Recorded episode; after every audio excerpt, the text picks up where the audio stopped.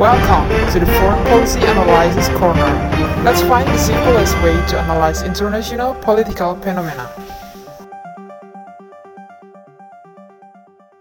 Sekarang Anda sedang bergabung bersama kami, Serena Aurelia dan Nadia Sama dalam diskusi yang akan mengupas dan mengkritisi salah satu topik mengenai keputusan dan kebijakan luar negeri, yaitu Brexit atau keluarnya Britania Raya dari Uni Eropa. Nah, sebelum membahas tentang kebijakan uh, Brexit ini, perlu diketahui latar belakangnya.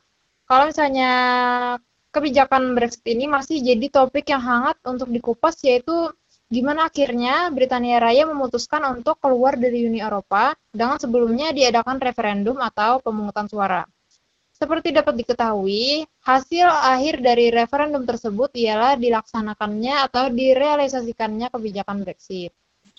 Nah, kebijakan Brexit tersebut tentunya nggak hanya melibatkan aktor berupa negara aja, tapi juga aktor-aktor non-negara karena emang uh, dalam pengambilan kebijakan Brexit ini masyarakatnya juga turut dalam pengambilan keputusan melalui referendum.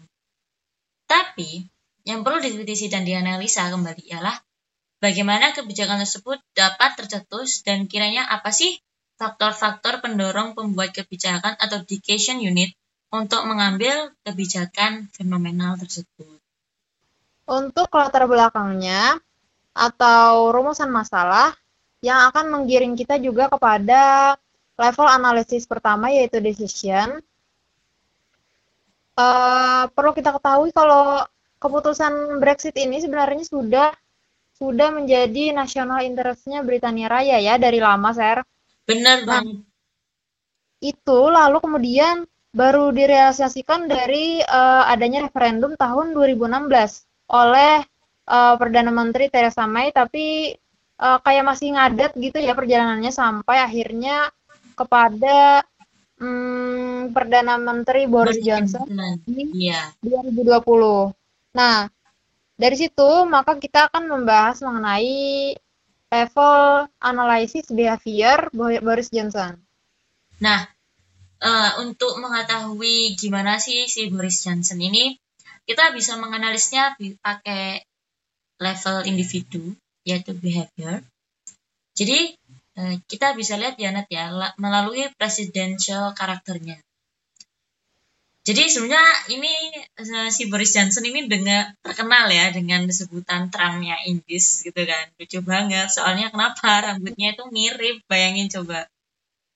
Penampilannya mirip sifatnya lumayan juga ya. Iya bener banget. Jadi kita lihat ya dari presidential karakternya. Boris Johnson ini dalam semasa kerjanya atau semasa uh, dia memimpin itu merupakan uh, pemimpin yang aktif dan positif. Loh kok bisa? Karena Boris Johnson ini sangat berupaya keras gitu dalam mengupayakan keluarnya Inggris dari Uni Eropa. Jadi dia ini kekeh banget kalau dia tuh bisa gimana sih caranya Brexit ini harus berhasil gitu. Johnson sendiri pernah gitu mengundurkan diri dari jabatan Menteri Luar Negerinya karena kegagalan Theresa May dalam dalam negosiasi sama Eropa, ya sama Uni Eropa mengenai Brexit gitu. Jadi tapi ketika dia mengundurkan diri dia tuh nggak cuma sekedar mengundurkan diri dan menyerah gitu. Justru dengan dia mengundurkan diri, diri ini dia tuh jadi seorang kritikus melalui parlemen buat uh, mengkritik uh, upaya Theresa May untuk mendorong Brexit gitu. Dan dia ini juga ketika dia berkampanye nih Nat, Ya. Uh, dia tuh itu Nat, apa namanya waktu kampanye jadi mau jadi perdana menteri nih. Dia ini janjiin gitu untuk merealisasikan Brexit dan janjinya tuh bukan janji palsu, gue. Hasilnya tuh dari hasilnya ya. Iya benar, hasilnya berhasil gitu. Dia berhasil melakukan Brexit itu pada uh, 31 Januari 2020. Jadi sah Inggris keluar dari Uni Eropa gitu. Mengenai presidensial karakter ini pasti uh, berhubungan juga sama operational code atau philosophical belief atau kayak apa yang dipercayai sama Boris Johnson-nya kan ya. Nah, Iya. kalau kita bahas mengenai philosophical belief-nya ini dilihat dari aspirasi dan nilai politik Boris Johnson itu dari awal memang kelihatan dia sangat optimis. Terus dia tuh penuh dengan kepercayaan eh, waktu ngebu- waktu memutuskan untuk mengeluarkan kebijakan Brexit itu tadi.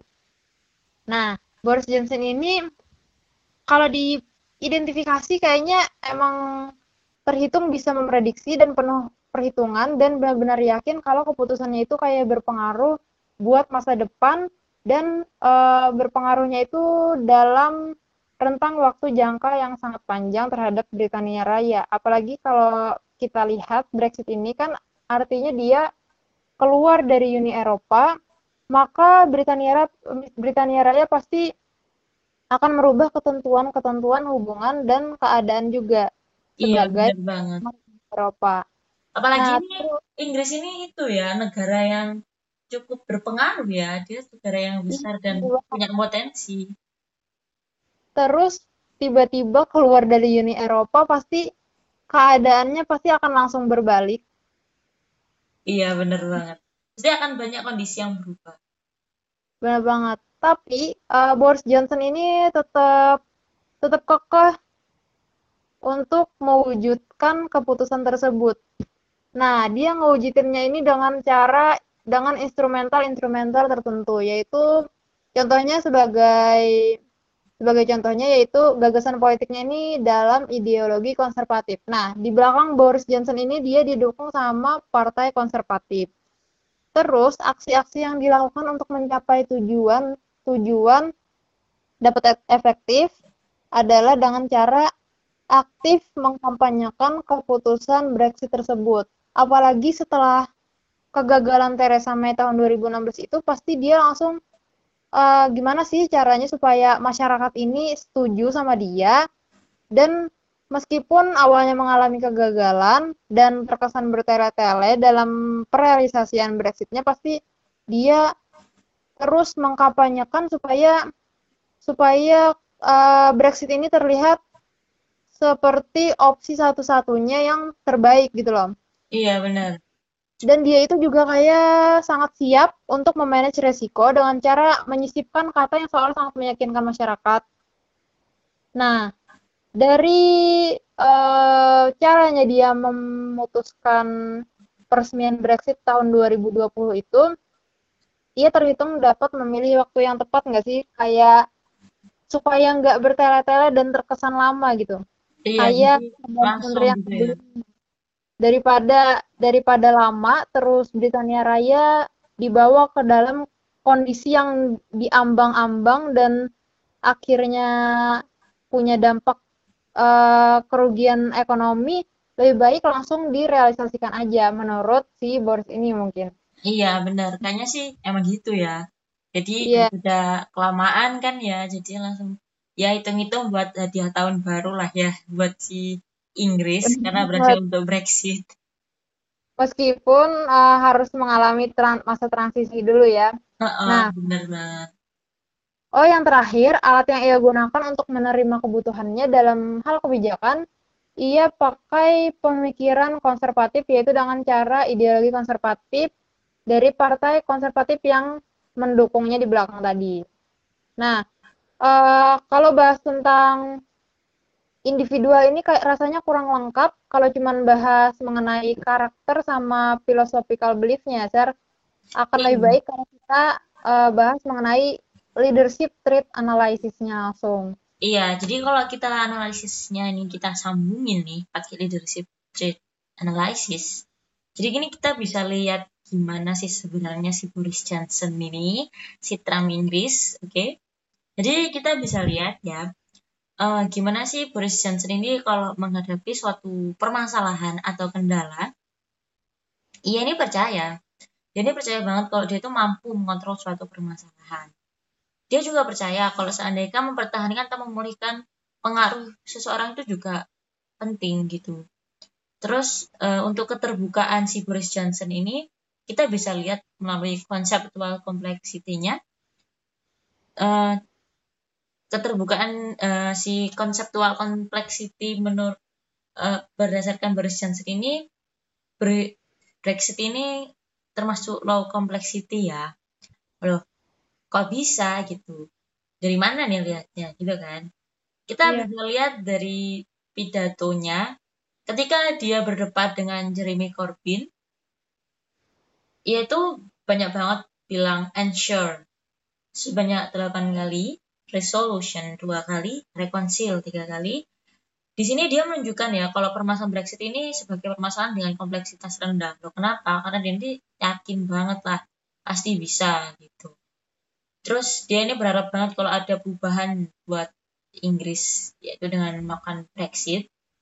Terus uh, bisa kita lihat dari awal tadi ya Nadia. Kalau kan, kan namanya juga Trumpnya Inggris kan, pede banget namanya. Kita bisa lihat gitu kalau seandainya kan Boris Johnson ini orang yang punya kepercayaan diri yang sangat tinggi. Dari pidatonya itu dia bilang I believe sebanyak empat kali. Jadi di sini dia yakin banget, dia percaya banget kalau seandainya dia tuh bisa gitu. Terus apa sih motivasi dari Boris, Boris Johnson ini?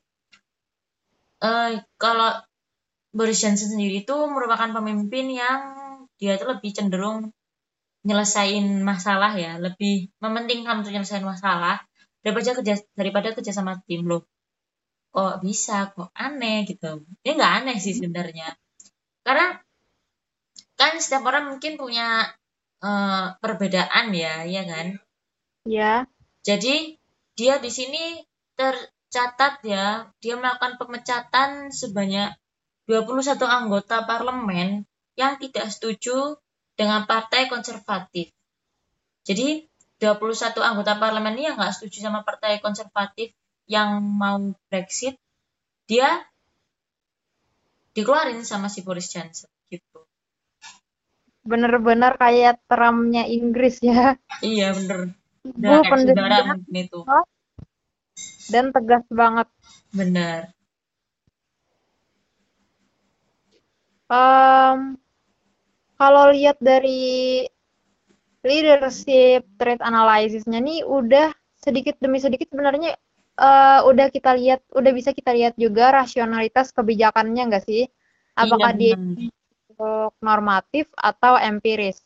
Nah uh, kalau misalnya kita mau lihat lebih lanjut lagi gimana sih cara mengetahui kebijakan kebijakan Brexit ini nih masuk normatif atau kayak empiris uh, bisa kita lihat dari gimana Boris ini ngelihat situasi situasi di mana uh, referendum sejak referendum Brexit Britania Raya ini masih masih dalam kondisi antara keluar atau tidak keluar dari Uni Eropa.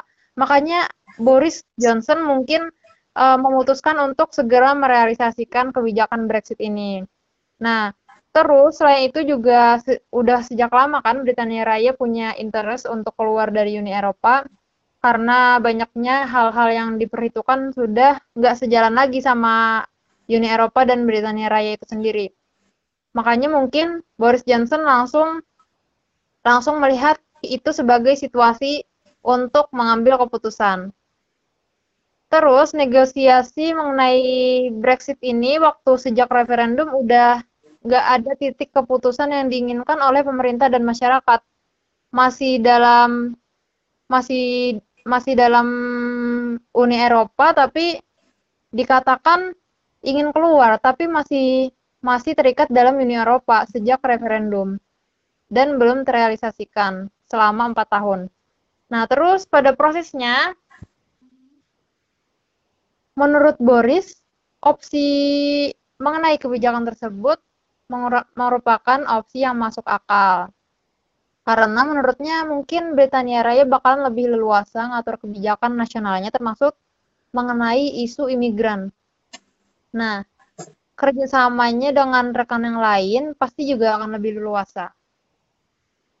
Lalu, eh, mengenai keuntungan dan kerugian juga penting untuk diketahui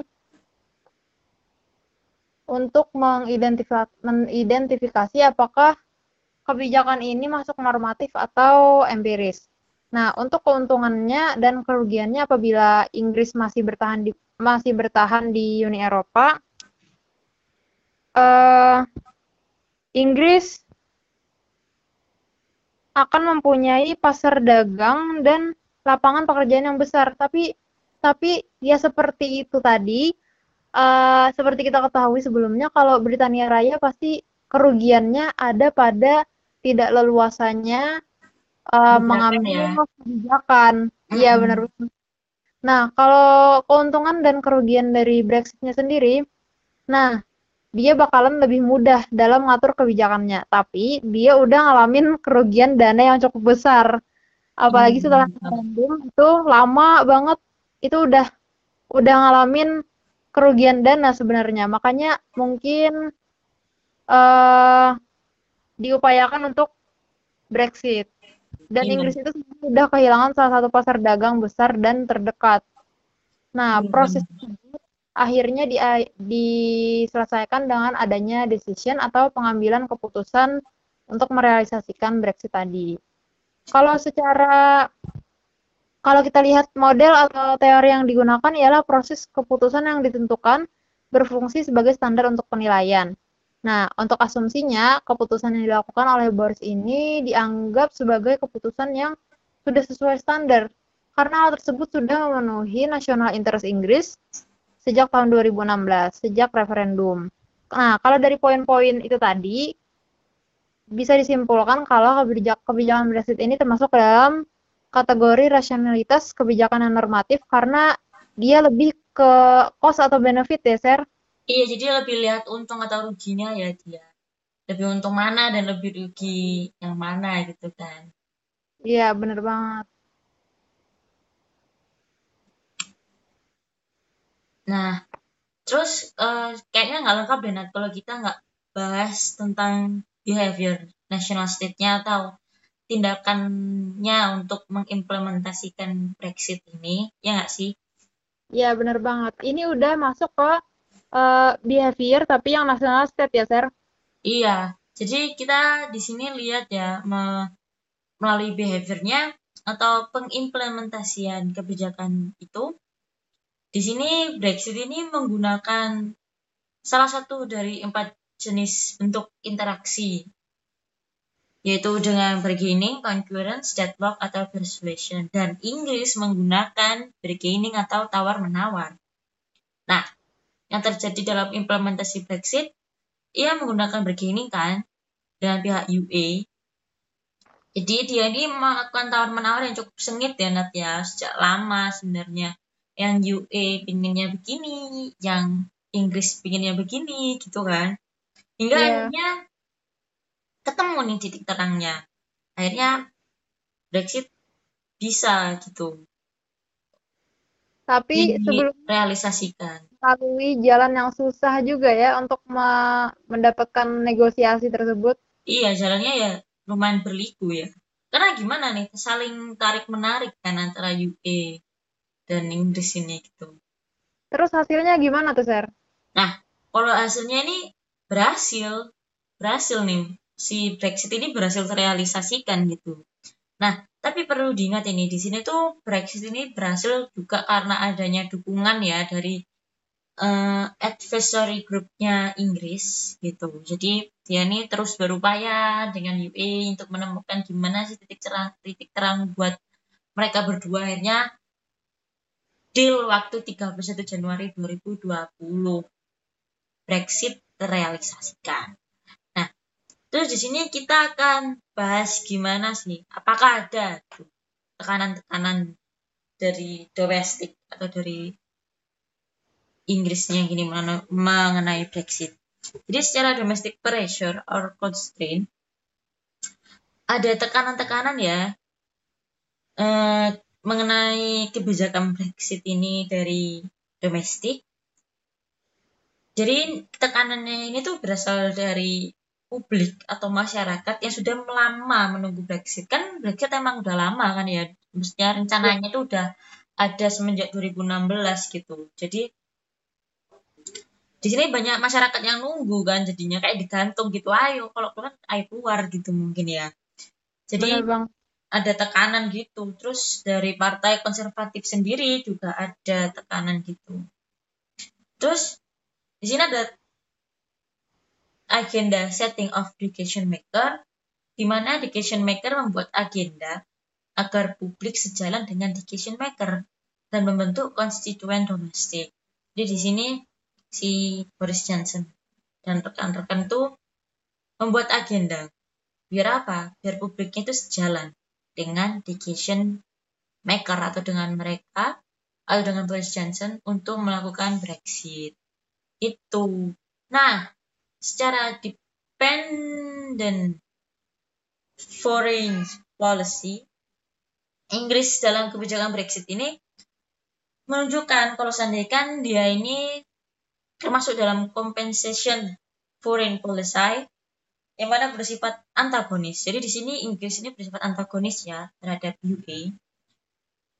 Kenapa? Karena di sini dia melakukan perlawanan atau dia udah gak mau lagi bergantung dengan UA gitu. Kayak ya sudahlah gitu. Maksudnya udahlah aku mau keluar gitu. Jadi UA di sini bersifat eh Inggris di sini bisa dikatakan bersifat antagonis ya. Uh, tapi di balik itu Tujuan lainnya itu untuk mendapatkan simpati dari domestic audience atau masyarakat yang pro dengan Brexit sehingga terdapat tekanan dari masyarakat karena memang Inggris juga udah melakukan referendum itu itu tadi ya jadi dia sekalian narik uh, simpati dari masyarakat yang pro Brexit gitu. Oh iya. Uh, tapi share kalau bahas mengenai kebijakan, suatu kebijakan kayaknya belum lengkap kalau juga belum bahas level analisis yang selanjutnya yaitu outcomes. Di mana uh, outcomes atau dampak dari kebijakan Brexit ini bahkan setelah referendum itu udah kelihatan dampaknya. Yang pertama, dari regional, dimensi regional, pengaruh kebijakan Brexit ini sejak diadakan referendum sekitar dari 2016 sampai 2017-an itu udah kecatat kalau Britania Raya ini sebenarnya ngalamin kerugian sebesar 404 uh, eh, euro tahunan untuk tahunannya untuk tiap rumah tangga rata-rata. Nah, kemudian menurunnya nilai mata uang pound sterling. Nah, ini aja kejadiannya waktu setelah referendum dan setelah referendum hingga re realisasikannya Brexit itu jangka waktunya lama banget. Bahkan sebelum terrealisasikan udah ada outcomes-nya.